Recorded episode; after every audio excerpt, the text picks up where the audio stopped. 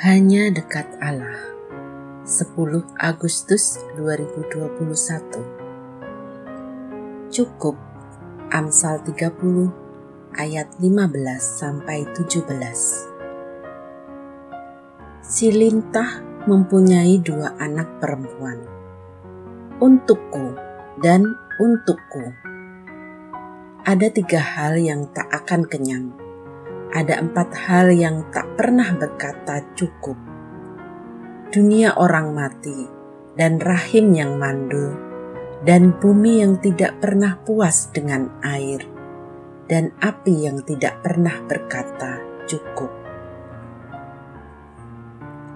Yang dimaksud lintah dalam Amsal ini adalah lintah darat. Kamus Besar Bahasa Indonesia menyatakan frasa lintah darat sebagai kiasan yang berarti orang yang meminjamkan uang dengan bunga yang sangat tinggi. Bunga sangat tinggi pastilah akan menyengsarakan orang-orang yang berutang. Tak heran kalau dia, ini tentu ibarat, beranak dua, entah kenapa disebut perempuan, yang bernama untukku dan untukku. Dengan kata lain, dia tak pernah puas sebelum keseluruhan harta si peminjam menjadi miliknya.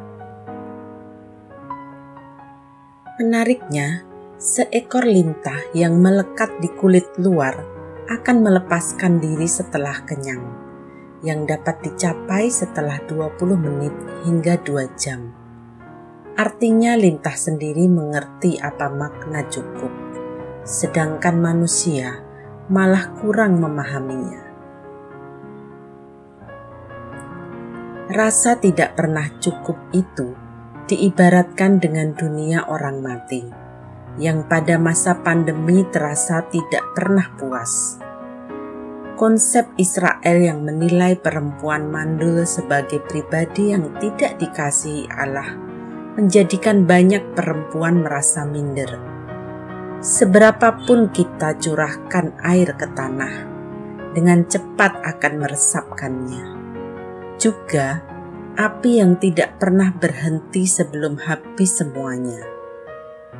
Keseluruhan Amsal dari Agur bin Yake ini mengingatkan umat Israel untuk belajar hidup cukup.